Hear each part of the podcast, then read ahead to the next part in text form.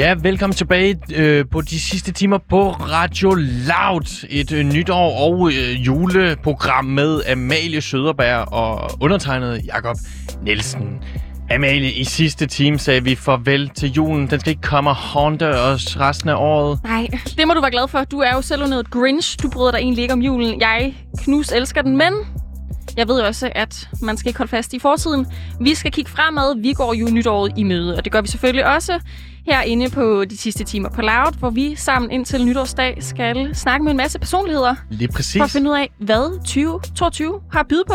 Lige præcis. Og mere præcis skal vi her i time 2 mellem 8 til 9 øh, ja, vende skud mod 2022 nytårsaften og fremtiden generelt. Vi skal høre, eller på en anden måde, vi skal faktisk høre om dengang verden rystede af frygt for at holde nytår i natten mellem 1999 og årstal 2000, mm. fordi man simpelthen troede, at verdens computersystemer ville bryde sammen. Så man kan sige, at vi varmer op til nytår ved at kigge tilbage på et tidligere nytår. Derudover så skal vi også ringe og snakke med den politiske ordfører for det konservative Folkeparti, Mette Abildgaard, for at høre, hvordan hun synes, at 2021 er gået for partiet, og hvad de ligesom pynser på i 2022. Og endelig skal vi prøve at forsøge at få en linje igennem til Nationalmuseet for ligesom at høre om deres fremtidsplaner. Uha, tight schedule. Uh. Men Amalie, først ja. og fremmest så skal jeg lige spørge dig, altså hvad er nytår for en størrelse for dig? Betyder den meget? Har det altid været en vigtig dag? Har du meget FOMO? Eller er du sådan en typen, der er meget afslappet omkring det? Mm, hvis man kender mig, så ved man, at øh, jeg generelt altid har en masse planer. Og det okay. har jeg oftest også nytårsdag og nytårsaften. Øh, nu nævner du FOMO. Hvis man øh, sidder og tænker, hvad filen er det, så kan jeg fortælle dig, at FOMO står for Fear of Missing Out. Altså den her frygt for, at man ikke når alt det, man skal, at man ikke har det lige så sjovt som alle de andre, siger jeg, og står og laver citationstegn inde i studiet. Det er lidt øh, en form for bare at sammenligne sig med andre og tro, at alle andre har det sjovt end en selv. Og nu tænker jeg, nu når du siger, at du skal til flere forskellige fester samme dag, er det ikke lidt et udtryk uh, uh, det for... sagde jeg ikke. Jeg sagde bare, at jeg har mange planer. Okay. Nu skal vi lige være coronavenlige her. Oh, oh, på den, ja. ja, på den men, øh, men, men jo, jeg har... Øh, nytår for mig er, øh, er lidt en FOMO-fest. Det ja. må jeg være, være ærlig at sige. Jeg bekymrer mig ofte om, at øh, om, jeg, om jeg har det sjovt nok, og jeg skal ja. nå det hele. Og det, og det vil jeg gerne gå op med. Så du så bliver det, hjemme? Måske, ja. faktisk. Øh, jeg har besluttet med mig selv, at jeg skal ud og spise på madklubben med en af mine rigtig gode veninder.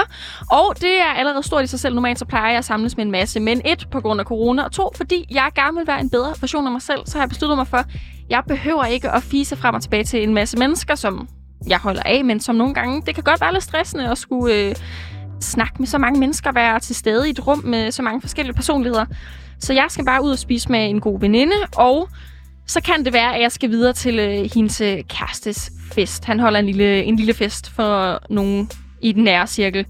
Men jeg må sige, for første gang nogensinde, så har jeg faktisk øh, tænkt, at det kan også godt være, at jeg bare skal hjem bagefter og sove. Okay. Altså, altså for en, en rigtig granny, der sover kl. 12. Ja. Nå. For det, jeg har aldrig prøvet det, i hvert fald ikke så vidt jeg kan huske. Jeg, jeg gjorde det sikkert, da jeg var baby. Men altså, jeg, jeg, jeg er træt af, at vi hele tiden skal, eller nu skal jeg ikke se, snakke for alle, at jeg hele tiden føler, at jeg skal opnå et eller andet vildt nytårsaften. Det er jo bare en dag, ligesom alle andre. Hvad med dig, Jacob? Jamen, Hvordan er din nytårs, øh, hvad er dit nytårsperspektiv? Jamen, igen, jeg har en lang historie for, altså i starten af mit liv, at have nogle rigtig fede nytårsfester tror, jeg fik min første snav på en nytårsfest. Okay. Øh, så det, Hvornår var det? Må man lige høre lidt mere om det? Det kan jeg ikke huske, altså årstal specifikt, okay. men det var en fed aften. Hold da op. Det var ikke mellem 1999 og 2000, Ej, det var der verden skulle gå ned, og du tænkte, der var jeg now or never, bare tog hendes hånd, og, eller ja. hendes ansigt. Åh oh, ja, inden verden gik under. Ja, Nej, det var det dog ikke. Okay. Men på den måde har jeg haft meget FOMO omkring det. Det vil jeg ærligt indrømme. Hvad er det for en størrelse? Det der utrolig vel har det. Ja, men det er, det er sådan... Det er jo en gang i året, hvad skal du lave? Man begynder at planlægge det måneder ja. i forvejen. Jeg plejer at holde øh, fester hjemme ved mig selv, som har været sådan nogle øh, temafester. Okay. Ikke at, specielt mange mennesker. Så du, du er person, som holder festerne? Ikke i år, men ja, det plejer at være. Det er jo en smart måde at sørge for, at man ligesom kommer til en fest, hvis man selv holder den. Ja, lige præcis. Så kan man styre omstændighederne og alt det der. Ja. Øh, hvem kommer, hvor meget gode, gode er de til at danse, og hvad spiser man, og så videre, og så videre. Hvad er dine nytårsplaner så?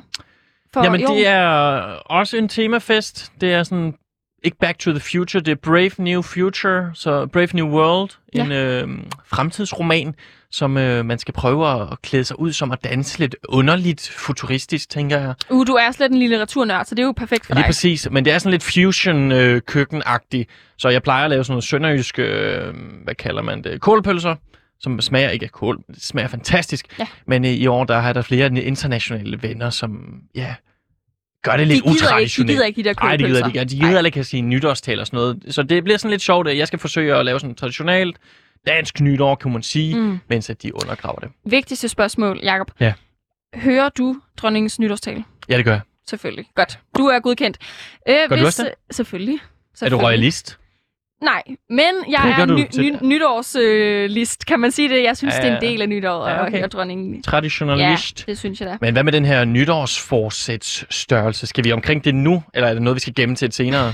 Skal vi ikke gemme den Jo. til senere? Lad, lad den lige hænge lidt, og så øh, kan du, der lytter med, skrive ind med din nytårsforsæt eventuelt, så kan vi dele dem sammen med dig. Det kan du gøre inde på øh, vores sms-korrespondent. Det er 92 45 99 45. Så tager vi altså dine nytårsforsæt, og hvis du har lyst til at dele, hvordan din nytår ellers skal se ud, så kan vi også tage det op. Er du enig eller uenig? Send en sms til 92 45 99 45 eller ring til os på 47 92 47 92.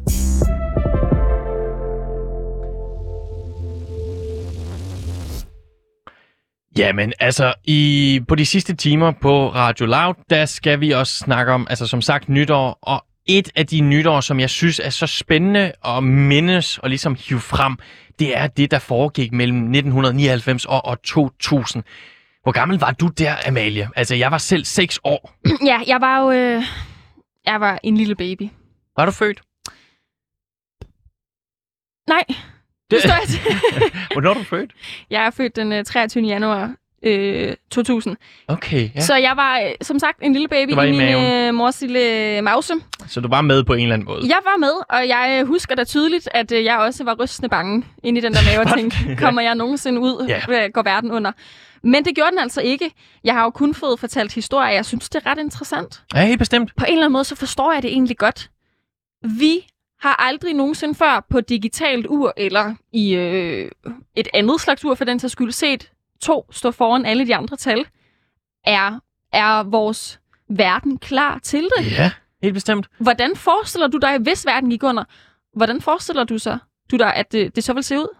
Nå, men altså det, man øh, specifikt var bange for her mellem 1999 og 2000, det var faktisk, at, at hvad hedder det, alle verdens computersystemer vil gå nedenom og hjem, altså at ja. De vil øh, kortslutte, og så vil alle, øh, hvad kan man sige, systemer, der var knyttet til det, og her skal man tænke på sådan noget som bankvæsenet, men også hospitaler, elevatorer, altså meget sådan altså nødvendige ting allerede i år 2000 øh, var bundet op på computersystemerne. Men mere specifikt, så var man simpelthen bange for, og det, det, altså hele det her fænomen hed åbenbart Y2K, altså to, altså year 2, og så K står for 1000, så mm. Year 2000. Ja. Det var en kæmpestor øh, frygt, som var i samtiden for, at alle computersystemerne ville øh, kortslutte. Og mere specifikt, så er det fordi, altså jeg er ikke den mest øh, teknikkyndige computerperson, altså jeg er måske den mindst teknikkyndige, jeg overhovedet kender. Ej, Jacob, nu skal du ikke snakke dig selv ned. Jeg synes, du ved en del. Men den måde, jeg har læst mig frem til det, og ligesom Ja. har forstået det på, er, at hvad hedder det, computerprogrammer åbenbart er designet, eller var designet til at forkorte årstal med, øh, altså med fire tal, så ligesom 1999, til kun to tal, så man kun skriver 99, og det var åbenbart for ligesom at spare plads på hukommelseskortet. Ah. Så altså allerede her kan man jo godt se, det er ikke den samme computerverden, vi snakker om. Det var altså en Der var ikke plads til så meget. Nej, dem havde man sparet væk, så lige pludselig var der nogen, der begyndte sådan, hvad sker der, når vi går over i 0-0? Altså, fordi typisk er 99 jo det sidste, Ja. det største, en øh, computer, hvad kan man sige? Kunne skrive. Ja, lige præcis. Og så 2000, man var så bange. Og man smed så mange penge, man øh, lovede en masse penge til en masse firmaer, for at de kunne, kunne ligesom øh, sikre sig, at vores bankvæsen ikke gik nedenom og hjem og så videre. Ej, hvor er det egentlig vildt. Ja, det er fuldstændig sindssygt. Fordi at mere specifikt, så snakker man og- altså på verdensplan ja. om, at man brugte mellem 300 og 600 billioner dollars på at sikre sig mellem, altså for at det ikke skulle bryde sammen et eller andet At der sted. kunne stå Ja. 2000 og ikke kun 99, Ja, når og at det ikke ville gå skete. nedenom og hjem. Og du ved, amerikanske regering var super bange. Man lavede institutter, der skulle modvirke det, og en masse firmaer tjente styrtende på det. Jeg kan, jeg kan se for mig, at alle har siddet... Øh, normalt, når man springer ind i de nye år, så har Ja. folk bare siddet med deres ure, telefoner og computer. Det tror jeg også, det gjorde. Ja, lige præcis. Ja, og set, er det nu, at alt går fra hinanden, eller er det nu, at Og Amalie, den digitale verden kan følge med? kære medvært, hvad Ja. tror du, der skete? Jamen, jeg ved da selvfølgelig godt, at øh, det gik ikke ned. Den skiftede der bare. Det skiftede der bare. Det var så simpelt, som det kunne være. Der skete ikke en skid. Ugerne sagde klik, klik. 2000. Og derfor var det jo selvfølgelig også mange, der ligesom kritiserede bagefter, at det var sådan en masse hysteri, kaldte de det. Altså, hvorfor øh, havde man brugt så mange penge? Hvorfor havde man øh, skabt så meget frygt for det? Altså, det var jo virkelig sådan en dommedagskult, var der nogen, der, der sagde. Og det kan jeg da godt forstå. Altså, man kender jo det der, vi bliver bange for en ny meteor, vi bliver bange for 2012, der kommer, og verden slutter. Men øh, når det selvfølgelig griber ind i computerverdenen, jeg synes bare, det er ret sjovt, fordi det er jo en helt anden, altså et helt andet syn på computer. Altså meget simple, altså man har forkortet det af øh, hensyn til hukommelseskortet. Ja, men det er jo en anden tid. Men øh, jeg står bare og tænker på, fedt for de firmaer, der lavede penge. Ja, jeg Det er tænker- da- ja. Tror du... Ved du hvad, jeg har lidt en teori om, at øh, nogle af de her firmaer, som Ja, startede med at det, jeg lave computerne og ugerne og alt, det, alt det, det her digitale, der øh, man kunne få fat i for snart 22 år siden. Jeg har lidt en teori om, at de godt vidste, inden for ikke så lang tid, så skifter vi til 2000. Hvis vi nu laver øh, nogle små tricks her, så folk ikke tror, det kan lade sig gøre, så laver vi ekstra penge. Ja, 100 procent. Det er Jamen, jo at det sælge forsikringer Ja, på en eller anden Jeg må måde. da bare hånd på hjertet, det vil jeg da have gjort. Det er, jamen, det er da så smart. Det er da meget Det gør smart. firmaet også i dag. Apple har øh, deres egen adapter, som man skal købe ekstra til at kunne lade øh, Apple-produkterne op. Alt, alt, Ja, fordi hvem kan fikse computer? Det kan computerindustrien. prøv at høre. Alt, øh, alt salg går på at kunne sælge mere. Så du siger, det er sådan lidt sådan en inside job. Det er lidt propaganda, jeg står her og siger, men det, det, det kunne jeg det godt kunne du forestille godt forestille mig. dig. Ja. Ja, ja. Men igen, hvorfor ikke? Ja. Jeg forstår det da godt. Men også prøv at tænke, hvis det skete i dag af mm. En eller anden grund, hvis man begyndte at være bange for, at alle vores computersystemer vil kortslutte. Altså, det ville jo være endnu værre i dag. Og vi er så i hvert fald i den vestlige verden helt ekstremt afhængige af teknologien. Jeg kan jo bare sige nu, at øh, jeg har simpelthen brugt alle mine data på min mobil. Nå, ja. Jeg har øh, få dage tilbage, men jeg overvejer nu, hvor øh, jeg kan få nye data igen. Nu har det lige været juledagene, så jeg kunne ikke komme igennem til dem. Jeg er øh, altså næsten sikker på, at jeg ringer for ind og får noget mere data. Ja. For jeg er så afhængig af Ja. min mobil. Jeg bruger den til at finde rundt, jeg bruger den til at betale. Hvis Du har jeg... ingen stedsans, har jeg hørt. Jamen, det, det, har, hvem har du hørt det fra? Nå, På din Instagram har jeg kunne læse mig frem Jeg til troede lige, det var noget, der, øh, der var rygter. det. Der florerede på Hende der. Amalie, hun har ingen stedsans. Jamen, det har jeg ikke. Jeg har ingen stedsans. Jeg, jeg har meget andet, men stedsansen, det er altså ikke noget, jeg kan prale af. Nej. Jeg bruger øh, maps religiøst. Ja. Jeg bare Også på at finde på arbejde. i starten. Okay. Nu er jeg faktisk der, jeg, jeg godt kan. Jeg har en cykelrute, jeg følger den. Jeg, hvis jeg drejede til højre eller venstre på cykelruten, så tror jeg igen, jeg skulle frem med mapseren. Men øh, hvis jeg følger den sti, jeg plejer, så kan jeg faktisk godt. Men bare tanken om nytårsaften, at jeg skal ud og spise med min øh, gode veninde, som jeg fik øh, fortalt tidligere, hvordan filen skal jeg finde derhen uden min Mapsi. Uden uh, Den internet har og så endda, videre. ja, Mapsi har jeg, jeg har endda givet den et kælenavn, det er så tæt vi er. Ja, Mapsy. Ja. Øh, noget jeg tænkte på, det var i forhold til med den her frygt om det nye, der kommer og så videre. Så sagde du til mig i går, at der er nogen, der begyndte at sige, at 2022, hvis man siger det på engelsk, så siger man hvad? Mm.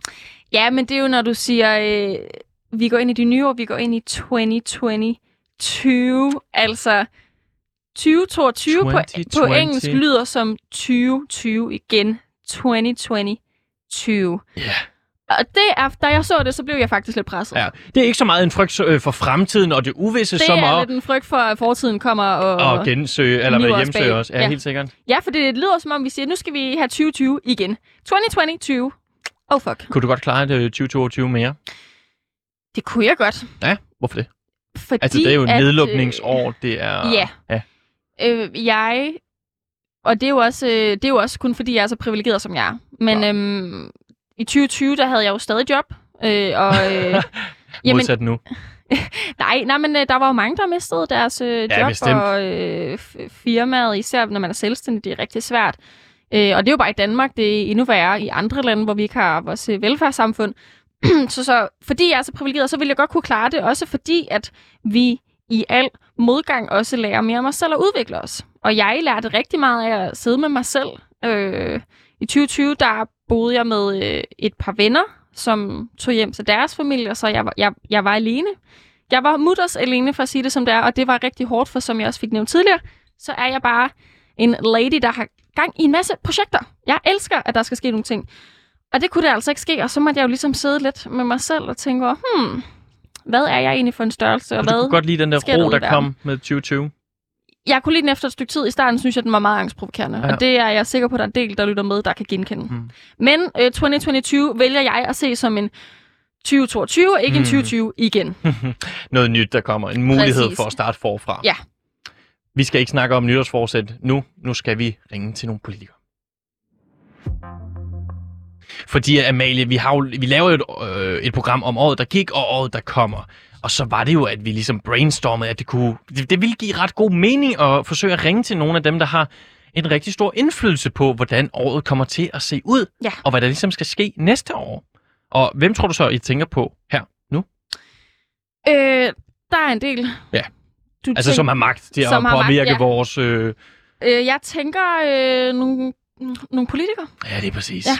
Og det er jo så smart, at de her politiske partier, de har typisk en ordfører, politisk ordfører hver, øh, som man kan ringe til og stille de, de mest dumme spørgsmål, eller de spørgsmål, som jeg nu har skrevet ned. Og den første i rækken, det er øh, Mette Abilgaard, ordfører for det konservative Folkeparti. Lad os se, om vi kan få hende igennem. Nu prøver vi i hvert fald lige her. Det er tidligt om morgenen, men mund ikke.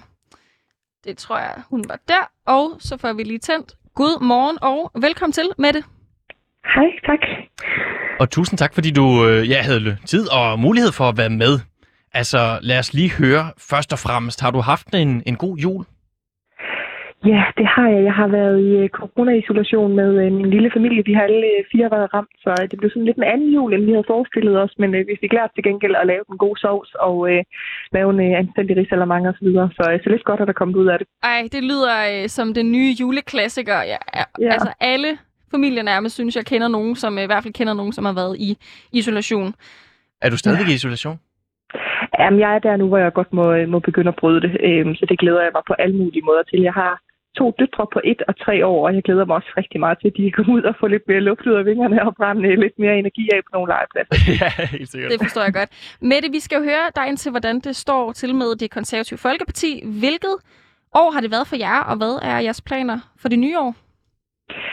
Jamen, jeg synes jo, det har været et godt år for det konservative Folkeparti, øh, forstået på den måde, at vi jo har en, øh, en rigtig velfungerende folketingsgruppe, hvor vi øh, er enige øh, langt hen ad vejen og gode til at, at finde hinanden. Og øh, hvis man kigger på meningsmålingerne, så må man jo også sige, at vi står et, øh, et rigtig fornuftigt sted som øh, parti. Jeg har jo prøvet som politisk ordfører at kommentere, dengang vi havde meningsmålinger, der lå inden for øh, spærregrænsen Ja. i forhold til den statistiske usikkerhed. Og omvendt har jeg i løbet af det år, der er gået, øh, kommenteret på meningsmålinger, hvor vi var det største borgerlige parti, og hvor vi øh, stod til 50, øh, eller undskyld, hvor vi stod til 30 øh, mandater i, i Folketinget, Ja, og det er, jo, det er jo ret fantastisk. Så, så på den måde kan man jo ikke klage. Vi har haft et kommunalvalg, hvor vi blev det største parti af alle i Region Hovedstaden, fik flest, flest pladser i, i regionsrådet, og, og fik det bedste kommunalvalg i 36 år. Så, så på den måde synes vi, det har været et, et rigtig godt år. Så I, altså, på den måde står I jo ja, stærkere, som du selv nævner, end nogensinde, eller sådan i, i mange år. Hvorfor tror du egentlig, det er, at øh, vælgerne ligesom støtter så meget op om jer i den her tid?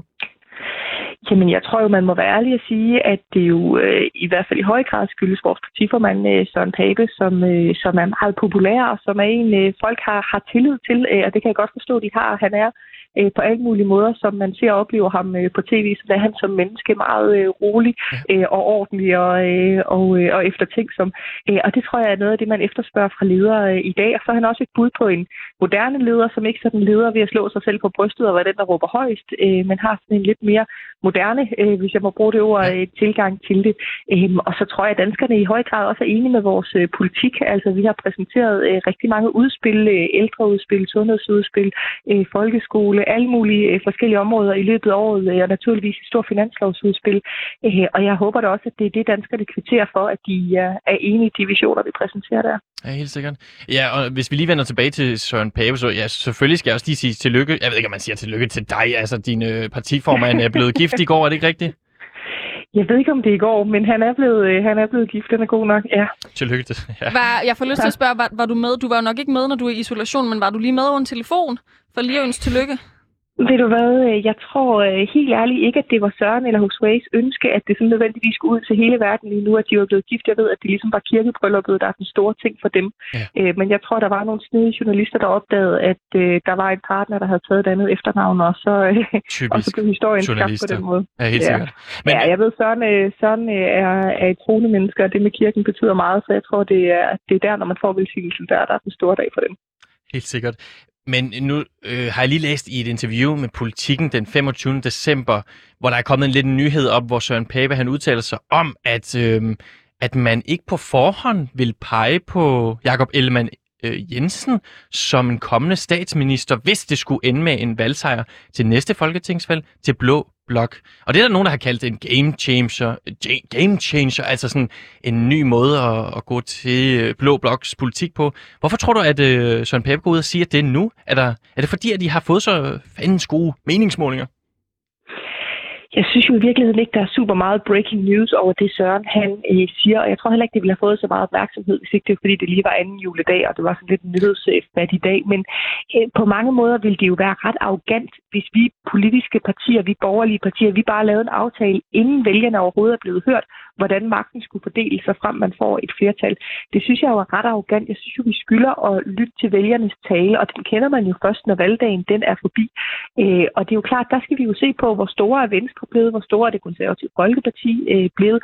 Men vi skal jo også lytte til de øvrige partier i Blå Blok og høre, hvad for en øh, ledelse de ønsker, hvis det er sådan, at der bliver et, øh, et blot flertal. Så jeg synes i virkeligheden, det er udtryk for, at vi anerkender, at det er noget, vi i den blå familie skal blive, øh, skal, skal blive enige om, og det er ikke bare noget, man sådan kan, kan aftale lige Søren og, øh, og, øh, og Venstres øh, partiformand øh, Ellemann øh, over, over en øl en sen aften. Mm. Mette, 2021 har jo været et ret vildt år. Hvad har overrasket det konservative Folkeparti mest?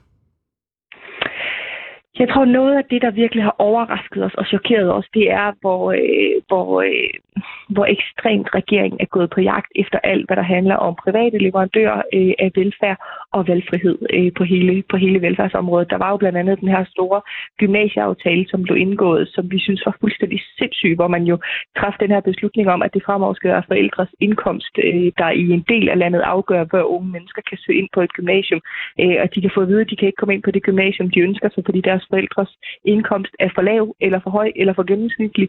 Øh, og det synes vi er jo en helt sindssyg tilsidesættelse af, af menneskers øh, frie valg.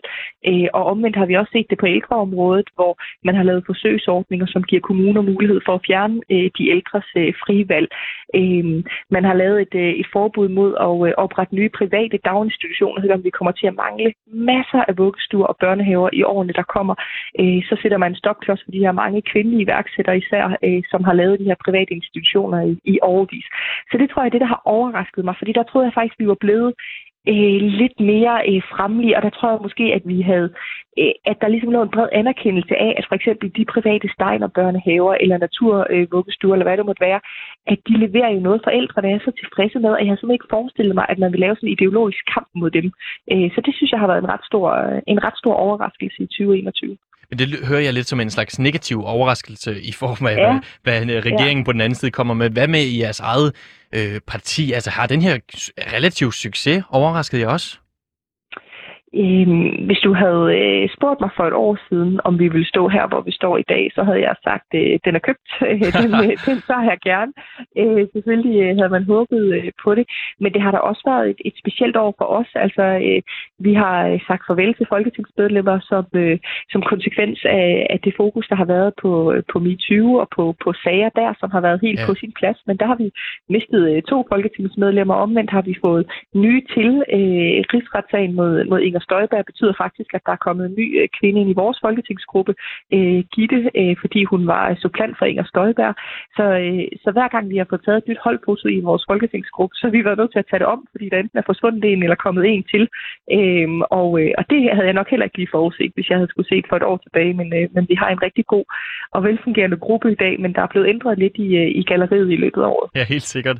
Men hvad hvis vi lige skal stille øh, skarpt på de største kriser? Er det altså så det, du vil pege på? Altså de her øh, personsager, hvor jeg har fået skiftet folketingsmedlemmer ud, eller er der noget andet, du kommer i tanke om der?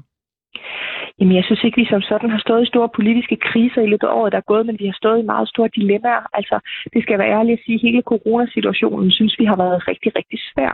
Øh, fordi øh, på den ene side, så synes vi ikke, man har været øh, dygtig nok til at anerkende, at når man lukkede erhverv ned, så skulle der naturligvis en kompensation øh, til. Øh, det synes vi, vi har måttet kæmpe meget, meget hårdt for i nogle tilfælde at få, øh, at få øh, resten af Folketinget til at, at lytte øh, til det.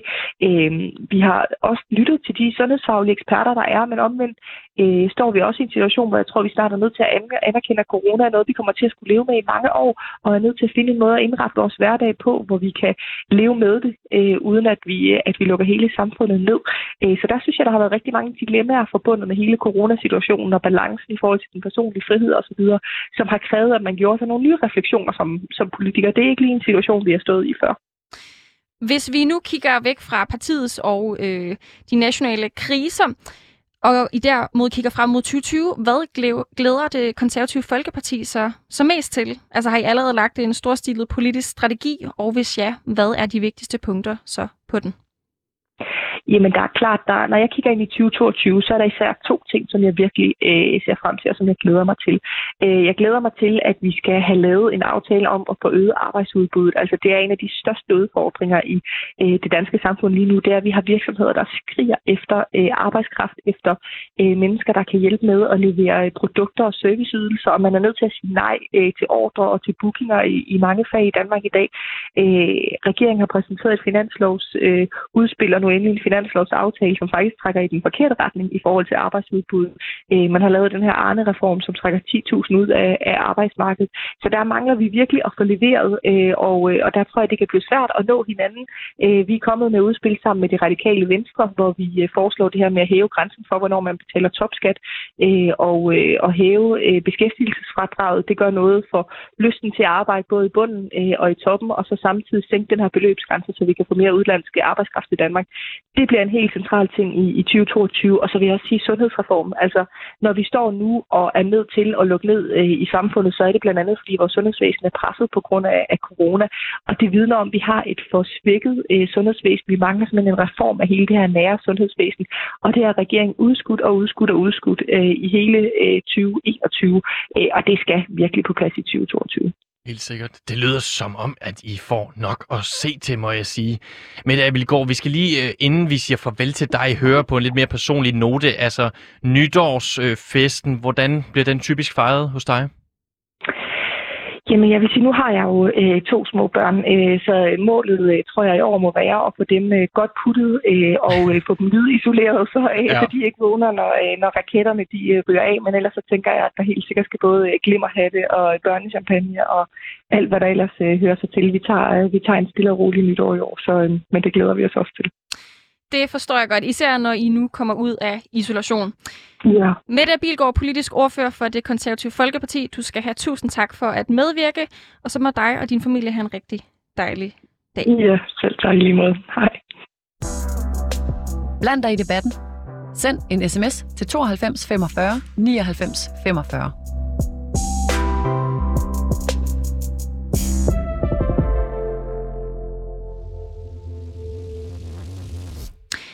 lytter til de sidste timer på Loud med mig, Amalie Søderberg, og med min medvært Jakob Nielsen.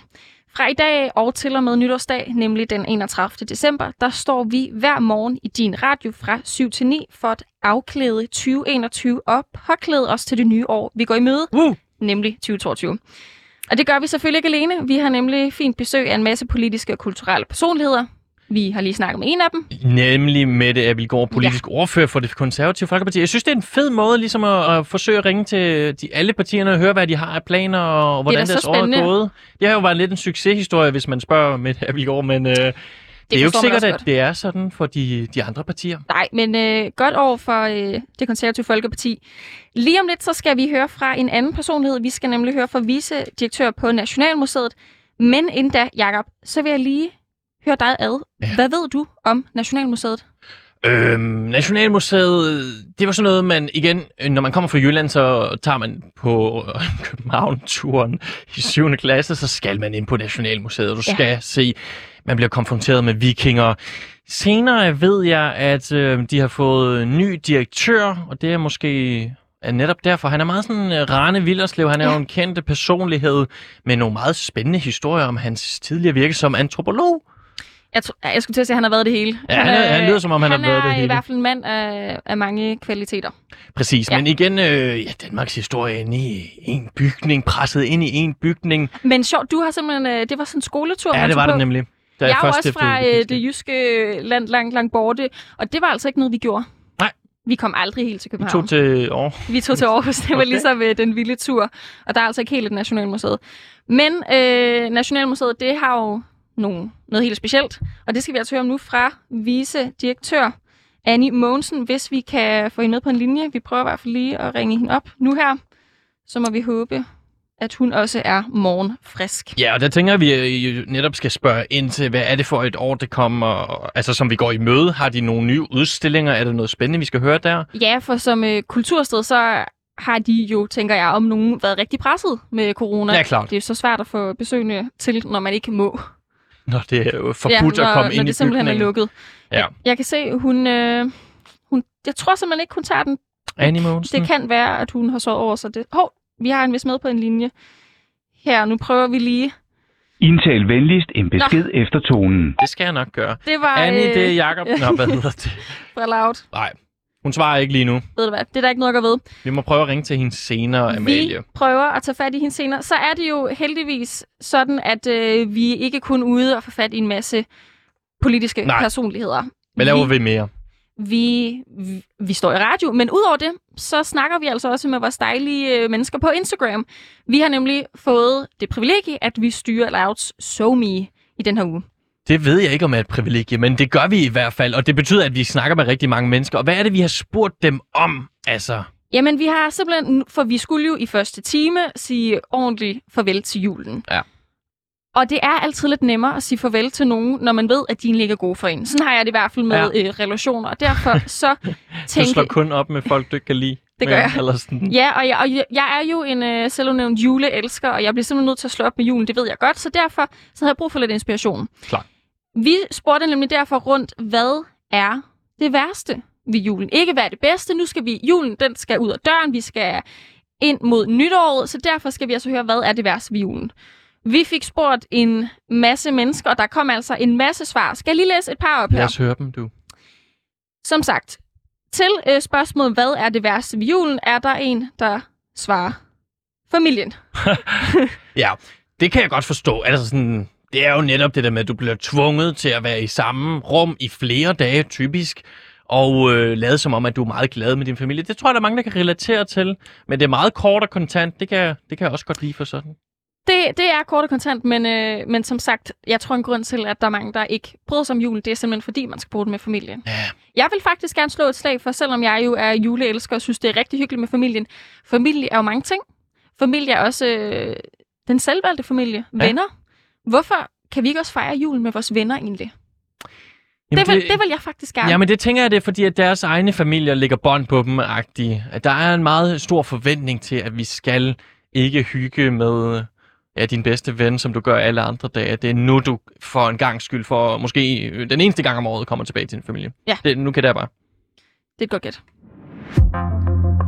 Der er en anden, der skriver her til, hvad det værste ved julen er. Eksamensskrivning slash oplæsning, hvis man går på en videregående uddannelse. Helt bestemt. Det har jeg jo selv gjort, så ja. det ved jeg 100%, at Fortæl man skal os, typisk aflevere en 20-30 sider, 40, I don't know, rapport eller øh, opgave den 5. januar, nogle gange den 31. Øh, december, midt i januar. Det betyder bare, at man kommer til at sidde i juledagene og halvstresse sig selv over, at ja, jeg sidder og hygger nu, og jeg drikker noget gløk, men burde jeg ikke gøre, eller skrive noget mere? Burde jeg ikke arbejde mere på den? Så du ved, det er sådan en konstant øh, tanke i baghovedet, mm. at man burde lave noget andet. Man kan ikke man helt slappe af. slappe af. Nej, det er netop det, der er problemet. Det synes jeg faktisk er lidt strengt, øh, at man skal aflevere på de tidspunkter, for jeg tænker da, at professoren først læser dem, når øh, de kommer tilbage det gør fra de da. De skal da også hygge sig. Ja, så ja. hvorfor filen skal man allerede det kan være, aflevere? vi skal snakke med de politiske ordfører om det her. Det, det bliver vores Det kunne vej godt være, ind... eller at vi skal ringe op til nogle universiteter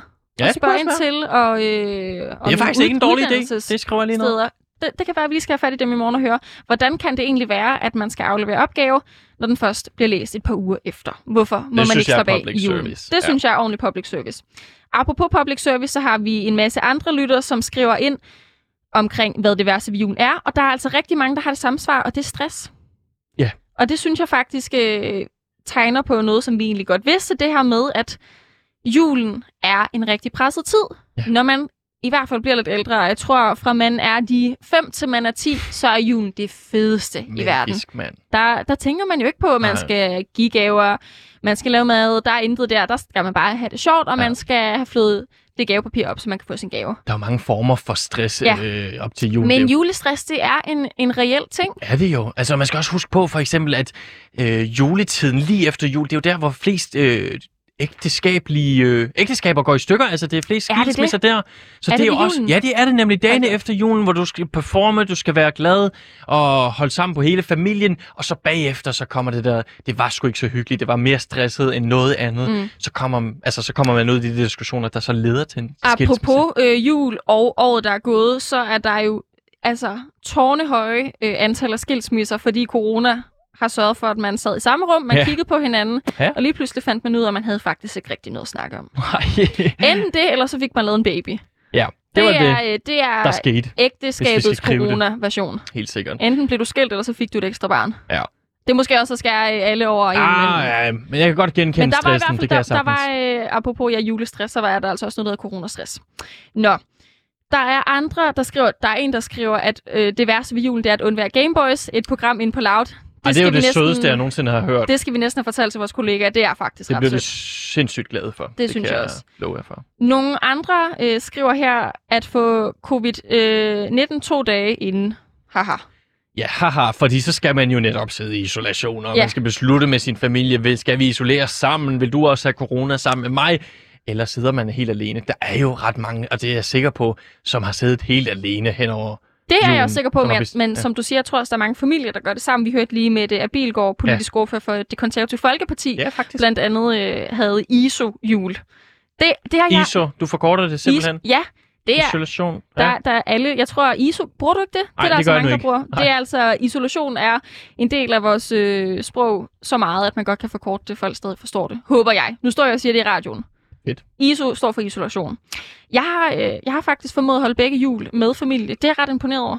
Hvad, vil, hvad mener du med det? Altså uden, der er ikke nogen i min familie, der er gået i isolation. Den måde. Nej, nej, nej. Jeg var meget tæt på at, at skulle undvære min søster. Hun øh, oh. ventede på en tredje PCR-test, inden hun så tog toget hjem. Ja. Altså, det var lige og lige op over. Men hun kom. Ja, det gjorde hun dog. Ej, hvor er det smukt. Jeg tror bare, der er mange øh, for første gang, eller sådan, der, Mm. der har været ude. Noget andet interessant, der bliver skrevet her ved det værste ved øh, julen, det er, at der er mange, der pointerer, at det er rigtig svært at, at give øh, de gaver, der forventes, og bruge en masse penge, når man ikke har råd til det. Det synes jeg også er et øh, rigtig, altså et helt reelt problem, øh, som vi måske ikke fokuserer så meget på, fordi vi let kommer det her glamourøse glansbillede hen over Ja, julen. ja. Men det er jo rigtig svært at øh, være fattig, eller bare ikke Ja. have så stor økonomi, når man skal holde jul, fordi der er en eller anden forventning til, at man skal give en masse gaver, og man skal pynte op, og der skal, der skal bruges en masse penge. Lige præcis. Altså for, for og eksempel, det, forbrugersamfundet elsker jo julen. gør de nemlig. Ja. Det er jo Black Friday og sådan noget. Men for eksempel, altså min søster og jeg, vi aftalt ikke at give nogen gaver. Men den aftale jeg aldrig kunne lave med mine forældre, fordi de altså, forventer virkelig, at de får en god gave et eller andet sted. Og så Mm. siger min far, du kan tegne en tegning, og så er det sødt et eller andet sted. Men det er det jo ikke. De har jo forventninger til øh, nogle meget bedre Jamen, det, det er faktisk så skal ret interessant. ud. Ja. Men din søster, der I gik med på det? Ja. Jeg har faktisk også overvejet øh, at snakke med min familie om, at vi ikke skal give gaver fremadrettet. Men så er der også et eller andet i mig. Jeg synes jo også, det er lidt hyggeligt at få gaver. ja, men det er det. Det er det, kapitalismen gerne vil have. Men så må jeg sige, at jeg er en af de heldige, eller uheldige, det kommer an på, hvordan man ser det, som har fødselsdag i januar. Så jeg kan jo nok godt undvære det. Så får jeg bare gaver en måned efter. Helt sikkert. Hvad siger de ellers? Den sidste ting, øh, vi lige kan nævne her, som bliver sagt ved det værste ved julen, det er, og det er der altså også en del, der nævner, at der er en forventning til, at man skal være glad på dagen. Ja. Igen, øh, julen bliver virkelig gjort til den her ophøjet dag, hvor alt er lykkeligt, øh, alle har en masse penge, de kan bruge, vi skal være glade, vi skal hygge os sammen. Jeg elsker julen, men jeg kan også godt øh, ind- indrømme, at den er altså også lidt glamoriseret, Ja. hvis øh, man kan bruge det udtryk. Den Jamen, igen, jeg er jo Grinchen ja. Ja. her, og det er jeg Kom netop det. fordi, at der er så store forventninger til, at man vågner op, og så smiler man bare indtil man går i seng igen. Altså, ja. det er den hyggeligste dag på året, og det er bare så meget pres. Så, så, så, så på den måde kan jeg sagtens forestille mig, at der er mange, der, der står totalt af, når man netop skal være lykkelig og glad og hygge og så videre. Og det er det, jeg har imod julen. Det forstår jeg godt, og der vil jeg lige sige til alle, der lytter med her, jeg synes ikke, at du behøver at være lykkelig eller overhovedet glad. Man skal komme, som man er også i julen. Vi skal, øh, eller vi skulle tidligere gætte hinandens yndlingssang. Du vandt simpelthen, så, øh, så vi fik lov til at spille. Ja, øh, jul det cool med. Ja. MC Ejner. Det var meget fantastisk. Det var det. Nu skulle vi jo egentlig ikke have spillet min yndlingssang, for jeg tabte jo, men fordi vi desværre kunne få fat i Nationalmuseet, så har vi lidt ekstra tid. Og så øh, Og du står jeg og simpelthen smiler gerne her. Så spille vi Justin skal jo Bieber? have min yndlingssang også, det synes jeg da næsten. Min yndlingssang, som øh, du fik gættet, det er altså øh, Mistletoe med JB. Den udkom i 2011, og nu bliver den altså spillet her i 2021 i, på Radio Loud. Mistletoe med JB. It's the most beautiful time of the year. Lights fill the streets, spreading so much cheer. I should be playing in the winter snow, but I'ma be under the mistletoe. I don't wanna miss out on the holiday, but I can't stop staring at your face. I should be playing in the winter snow, but I'ma be under the mistletoe with you. Shawty with you, with you. Shawty with you, with you. Under the mistletoe. Everyone's gathering around the fire. Chestnuts roasting like a hot July. I should be chilling with my folks, I know. But I'ma be under the mistletoe. Word on the street, Santa's coming tonight. Reindeer's flying through the sky so high. I should be making a list, I know. But I'ma be under the mistletoe. Shawty with you. Shawty with you.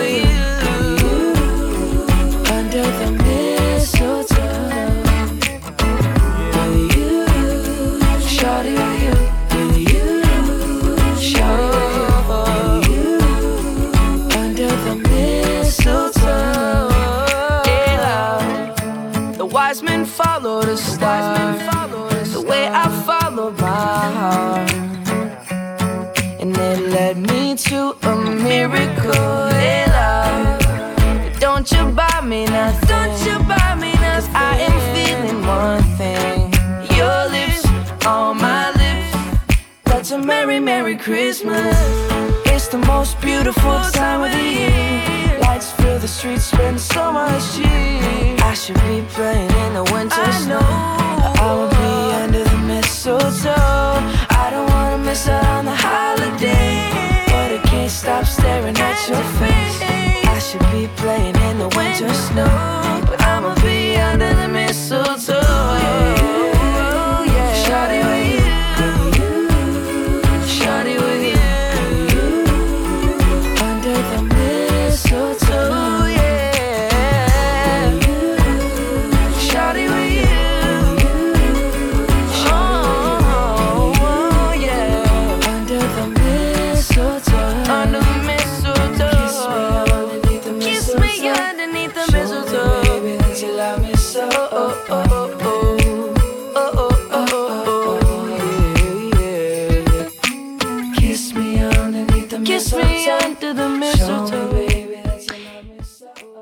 får vi bud på min yndlingssang, altså Mistletoe med JB.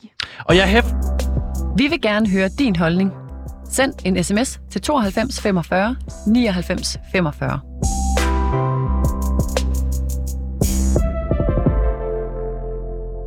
Amalie, Du var lidt for hurtig. jeg var lidt for hurtig.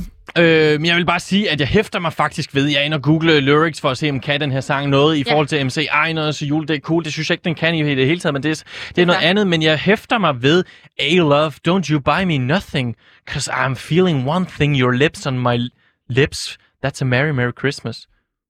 Ah, Altså, fordi du spurgte ind Justin til... Bieber Ja. siger, at man ikke behøver at købe julegaver. Det er da ret revolutionerende i sig Jamen, selv. jeg, for, jeg har jo sagt, at den her sang, den kan noget. Jamen, det kan faktisk noget. Ja. På den måde. Det, vi har ikke brug for gaver, vi har bare brug for hinandens læber. Du lytter til de sidste timer på Loud med Amalie Søderberg og jeg, Jakob Nielsen. Det gør du nemlig. Og hvad er det, vi laver? Vi, øh, I dag, der siger vi farvel til julen, og i morgen fremad mod nytårsdag, der skal vi altså klæde os godt på til 2022. Vi har så småt 10 minutter tilbage, og vi fik jo aldrig helt færdiggjort vores julequiz, så hvis du lige er tunet ind, så kan du altså stadig nå at være med og eventuelt vinde over Jakob. Du kan skrive dine øh, svar ind på 92 45 99 45 for også at være med i quizzen. Vi fortsætter, hvor vi slap, men inden da, så vil jeg altså lige gøre opmærksom på, når der bliver svaret rigtigt, så lyder denne lyd. Det er en kylling, en Klart. glad lille kylling. Det giver rigtig god mening. Det giver så god mening. Når man svarer forkert, så lyder dette. Kalder du det sovs? Kyllingen er en god lyd, sovsen er ikke en god lyd. I hvert fald i den her sammenhæng. Jakob og også kære lytter derude, hvilken by er Maria i, da hun får budskabet om, at hun bærer Guds søn? Er det A. Nazareth, B. Bethlehem eller C. Guds have? Hold da op. Øhm, jamen, de rejser jo, Ja, men spørgsmålet... Ja, ja og for, de er gravide. Hvor, hvor, Og hvor ender hvilken de by, henne? Nej, men spørgsmålet er nemlig, hvilken by er hun i, når hun finder ud af, at hun bærer Guds barn? Det er nemlig... Øh, Ja. Den er lidt tricky, Jamen, den så må her. jeg sige Nazareth, fordi de føder vel i Bethlehem. Kyllingen Det er rigtigt. har øh, sat streg under. Det er rigtigt. Okay. Jeg, jeg håbede lidt, at du ikke ville sige Guds have. Ja. Så ville jeg blive lidt skuffet. Klart. Du har styr på din kristendom, vigtigt. Ja, lidt. Det håber jeg også dig derude har. Næste spørgsmål lyder nemlig, hvilken julesang synger man halleluja, halleluja i, i omkvædet? Er det A, et barn er født i Bethlehem? Er det B, nu er det jul igen? Eller er det C, på loftet sidder nissen? Wow. Øh, hvad var B? B, det var, nu er det jul igen. Nu er det jul igen. Enten- Nu er det jul igen. Er det den der, nu er det jul igen, nu er det jul igen? Kalder du det sovs? Nej, Det var sovsen, det det der. var det ikke. Sovsen, øh, fun fact, er jo faktisk øh, slang for noget ret sejt. Men er lige i den her sammenhæng. Nej, den her sammenhæng, så var det ikke helt sejt, for det er altså et barn, er født i Bethlehem, hvor man synger halleluja. Halleluja med Et barn er født i Bethlehem. Og så, Halleluja. ja, der er halleluja i. Øh, man kan høre en bedre version, hvis man går ind og søger, der hvor man ellers finder Det er jeg sikker på, man ja. kan. Næste spørgsmål til øh, julen lyder, hvordan begynder juleevangeliet? Jakob, er du sådan en, der ofte læser juleevangeliet? Nej, men det er jo blevet gentaget for mig flere gange, så måske. Ja, det vil jeg nemlig sige, da jeg øh, skulle øh, skrive de her spørgsmål, der var jeg egentlig også lidt øh, i tvivl selv, men så fandt jeg øh, på øh, valgmuligheder, og der synes jeg egentlig godt, man kan finde ud af, hvilken svar, der er det rigtige. Lad os høre. Det håber jeg. A. Et barn i kryben lå. B. Også på jorden. Eller C. Og det skete i de dage. Hvordan begynder juleevangeliet? Jamen, det er jo ligesom uh, MC Ejner vil sige, og det skete i de dage. Rigtigt. Ham der, MC Ejn. Jo, det er rigtigt. Ja. Ja. Det var kyllingen ja, øh, til dig, der lytter med, som har svaret ind her. Der er også en del, der skriver, at det skete i de dage. Det er fuldstændig rigtigt. Wow. MC Ejner, han har altså lært dig noget, var Jacob? Jamen, det har han nemlig øh, åbenbart. Han, er- det er faktisk det er, det er en god julesang, det vil jeg give dig. der blev du lidt med ned om den, var. Det, ja, det gjorde jeg. Du kunne det, ikke gætte det, men- det skete i de dage, både øh, i juleevangeliet og i øh, Jul, det er cool. Det er cool. Næste spørgsmål, det lyder. Hvad hedder de mest, det mest kendte rensdyr? Er det A. Gurle Gris? Er det B. Rudolf? Eller er det C. Claus? Ja.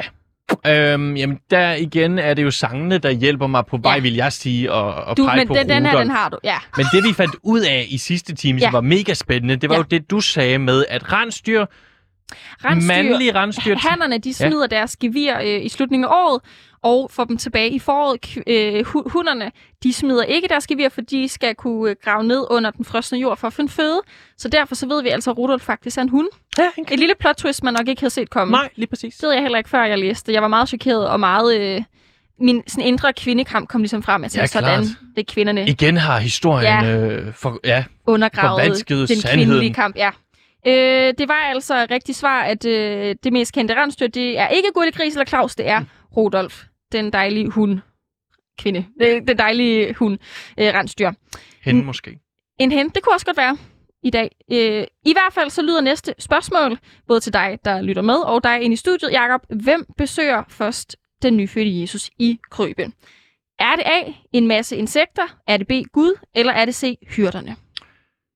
Okay. Mm. Ja, men hyrderne vil jeg umiddelbart gå med. Jeg er jo født på den 6. januar. ja. som er hellige tre konger. Vi er begge to januarbørn. Ja, ja, det er Ja. vi nemlig.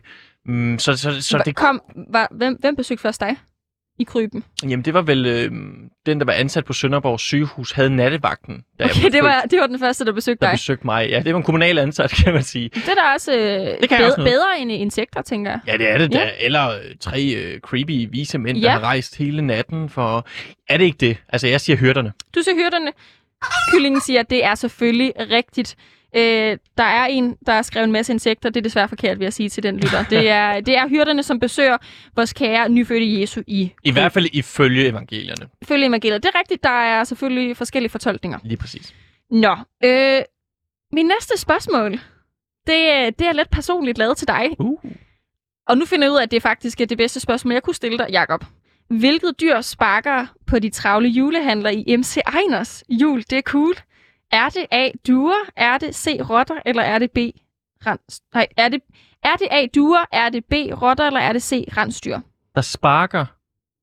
På de travle julehandlerne i MC Einers jul. Det er cool. Sig, øh, kan jeg få øh, valgmulighederne igen? Øh, duer? Ja. Rotter? Ja. Eller rensdyr? Det duer. Ja, Du har ret. jeg, jeg, jeg gættede, må jeg indrømme. Er det rigtigt? Ja, fordi jeg kan det er ikke lyrics udenad, Nej, okay, det er fair. men han er meget sådan, ja, danske måger og duer kunne sagtens finde på at skide på de mennesker, der er inde og købe julehandel. Det har du fuldstændig ret i. Vi har øh, to spørgsmål mere, og så øh, og hvis du svarer rigtigt på en af dem, så har jeg altså, eller hvis dig, der lytter med, svarer rigtigt på en af dem og skriver ind, så har jeg altså et bonusspørgsmål, som jeg synes er ret sjovt. Uh, lad os høre det. Første af de to spørgsmål lyder. Mickey Mouse har hentet et juletræ, fordi nu skal vi snakke om juletraditionen, nemlig Disneys juleshow. Mickey Mouse har altså hentet et juletræ, men Pluto er ikke tilfreds med træet. Spørgsmålet er hvorfor? Er det enten fordi Chip og Chap bor i træet, eller er det B, træet er skævt, C, det er et palmetræ? Det skal jeg kunne svare. Altså, jeg vil sige, det er rib og rap. Nej, hvad, hvad var det nu? Øh, Chip og Chap. Chip og chap, det er dem, der er det, i det, det juletræet. er ikke fordi, at øh, Pluto ikke gider et palmetræ. Nej, Okay. det er ikke derfor. Det er A, Chip og Chap, siger du. Kylling siger, at det er selvfølgelig rigtigt. Der er også mange, der skriver ind. Det er selvfølgelig A, Chip og Chap bor i træet. Så er du allerede, øh, og dig, der lytter med, I har allerede fortjent et bonus spørgsmål. Uh. Men I skal alligevel lige have endnu øh, et spørgsmål, og det lyder. Hvordan ender Anders Ans snibboldkamp med nevøerne i Disneys juleshow? Er det A, kampen afbrydes uden vinder? Er det B, Anders han falder i søvn og fryses til en isfigur? Eller er det C, Anders Signe deltager og vinder kampen? Jeg tror, det er min yndlingstegneserie overhovedet, så der vil jeg nok sige, at det er B. Øh, Anders Fryser. Hold da op, du er virkelig øh, kørende. Ja, Det- men det er som sagt min Anders falder i søvn og yndlingstegneserie fryses til en isfigur. Ja. Stakkels Anders. Det betyder altså, at øh, dig derude og dig inde i studiet fortjener mit bonusspørgsmål, og Ja. det lyder, hvor i verden er det en tradition at spise Kentucky Fried Chicken til juleaften? Er det A, USA, er det B, Japan, eller er det C, Finland? Øhm, jamen, det kunne være USA eller Japan. Jeg vil sige USA, umiddelbart. Er der nogen, der ved det bedre end mig? Kalder du det sovs? Er det Japan? Det er simpelthen Japan. Nej. I Japan er det en tradition at spise Kentucky Fried Chicken juleaften. I landet der spiser man altid dybsteget kylling til jul, og særlig varianten fra den amerikanske fastfood-gigant Kentucky Fried Chicken, også kendt som KFC, er kongen af julebordet. 29-årige Natsuko Maikaime, der bor i Japans tredje største by Osaka, udtalte sidste år til DR, KFC er helt klart en fast del af det at fejre jul i Japan. Jeg tror nærmest, det ligger i vores instinkt, at vi skal have dybstegt kylling til jul. Så lærte man altså også det. Det gjorde man. Ja. Og du har lyttet til de sidste timer på Loud med Amalie Sønderberg og Jakob Nielsen. Amalie, vi er ved at være øh, done for i dag, kan man sige. Det er vi, men vi er jo heldigvis tilbage i morgen fra klokken 7, hvor vi skal kigge mod 2022. Vi har sådan... Vi har, vi har virkelig sagt farvel til øh, 2021's jul. Det har været godt, men øh, jeg glæder mig til at se, hvad 2022 bringer, og det får, finder vi ud af fra 7 til 9 i morgen.